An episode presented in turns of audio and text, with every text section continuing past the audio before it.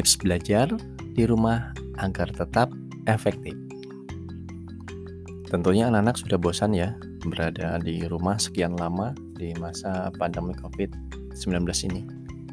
Tetapi tidak ada pilihan lain daripada ke sekolah, kemudian tidak disiplin, yang berdampak pada tertularnya kita ya dan sakit ya. Karena pada dasarnya sehat itu luar biasa ya. Jadi tidak ada nikmat melebihi kata sehat.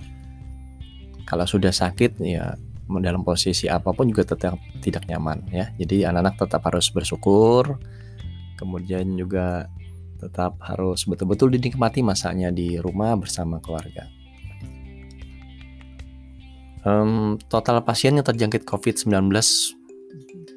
kian hari tambah banyak ya pemerintah juga sudah mengeluarkan berbagai macam kebijakan untuk mencoba mencegah penyebaran virus ini. Ya salah satunya dengan menutup sekolah. Ya, akibatnya proses belajar mengajar pun juga harus dilakukan secara online, jarak jauh ya dengan segala keterbatasannya. Tapi Anda tetap semangat ya. Karena banyak media yang bisa kita manfaatkan banyak sumber daya juga yang bisa kita gunakan ya. Jangan patah semangat. Tetap pasti ada jalannya. Apalagi orang tua ya. ya di orang tua juga sangat bingung bagaimana memikirkan agar kalian tetap disiplin terutama dalam hal belajar ya.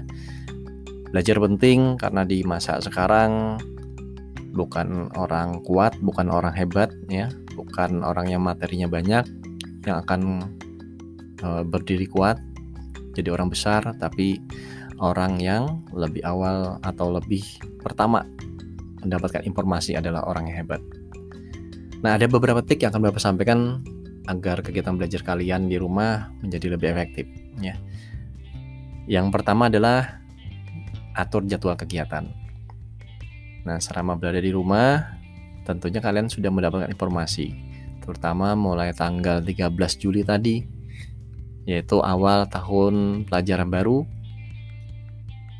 tahun ajaran 2020-2021 ya. Jadi jadwal pelajaran sudah dibagikan satu harinya ada dua mata pelajaran. Nah, coba itu ditulis dengan baik, ditempel di kamar atau di depan meja belajarnya. Sehingga tidak ada lagi kata-kata bermalas-malas ya. Paling tidak kalian diingatkan untuk uh, tinggal di rumah dan belajar sesuai dengan jadwal yang sudah uh, dibuatkan ya. Nah, selain itu juga kamu bisa mulai dengan menyusun jadwal kegiatan seperti bangun tidur ya. Kemudian merapikan tempat tidur, kemudian membersihkan rumah, membantu orang tua sampai dengan jadwal kalian tidur kembali ya. Jadi selama berada di rumah juga kalian belajar untuk disiplin ya. Disiplin menata diri menata hidup selain membuat jadwal pelajaran ya. Jadi uh, paling tidak kalian melakukan pembiasan-pembiasan positif ketika berada uh, di dalam rumah. Nah ini pengantar awal dari bapak. Kita rehat sebentar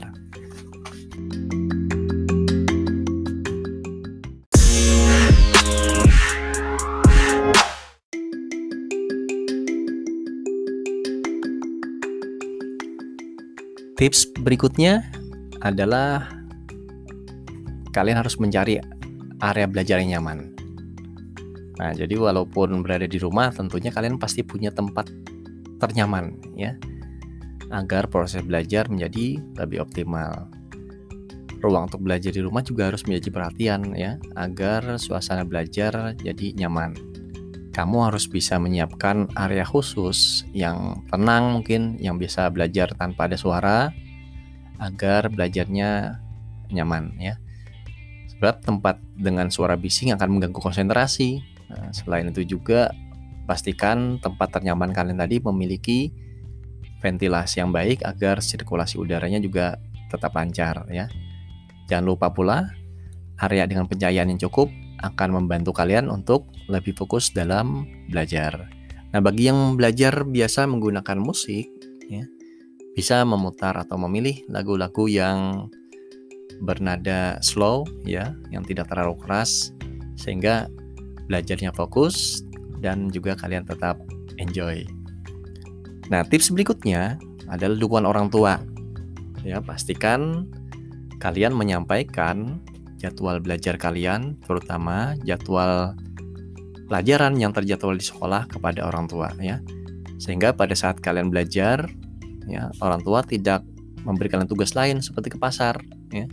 Sehingga orang tua juga mendukung kegiatan belajar kalian ya. Bila ada tugas atau PR, kerjakan sesegera mungkin agar tugas-tugas tadi tidak bertumpuk ya sehingga menjadi beban kalian di kemudian hari.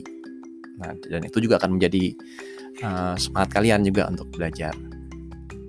Tips berikutnya adalah belajar menjadi lebih menyenangkan ya.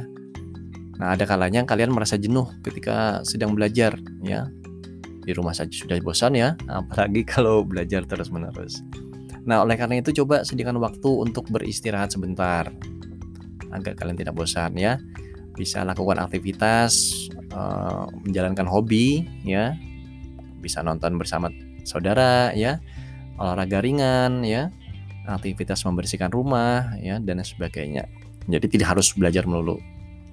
Nah yang terakhir yang paling penting adalah berkonsultasi dengan guru. Nah dengan belajar mandiri di rumah ya bukan berarti juga anak-anak harus menyelesaikan segala permasalahan kaitannya dengan belajar eh, dengan mandiri juga di rumah. Ya jadi kalau ada hal-hal yang kurang dipahami mungkin dari buku paket ya dari media yang kalian dapatkan dari internet dan sebagainya.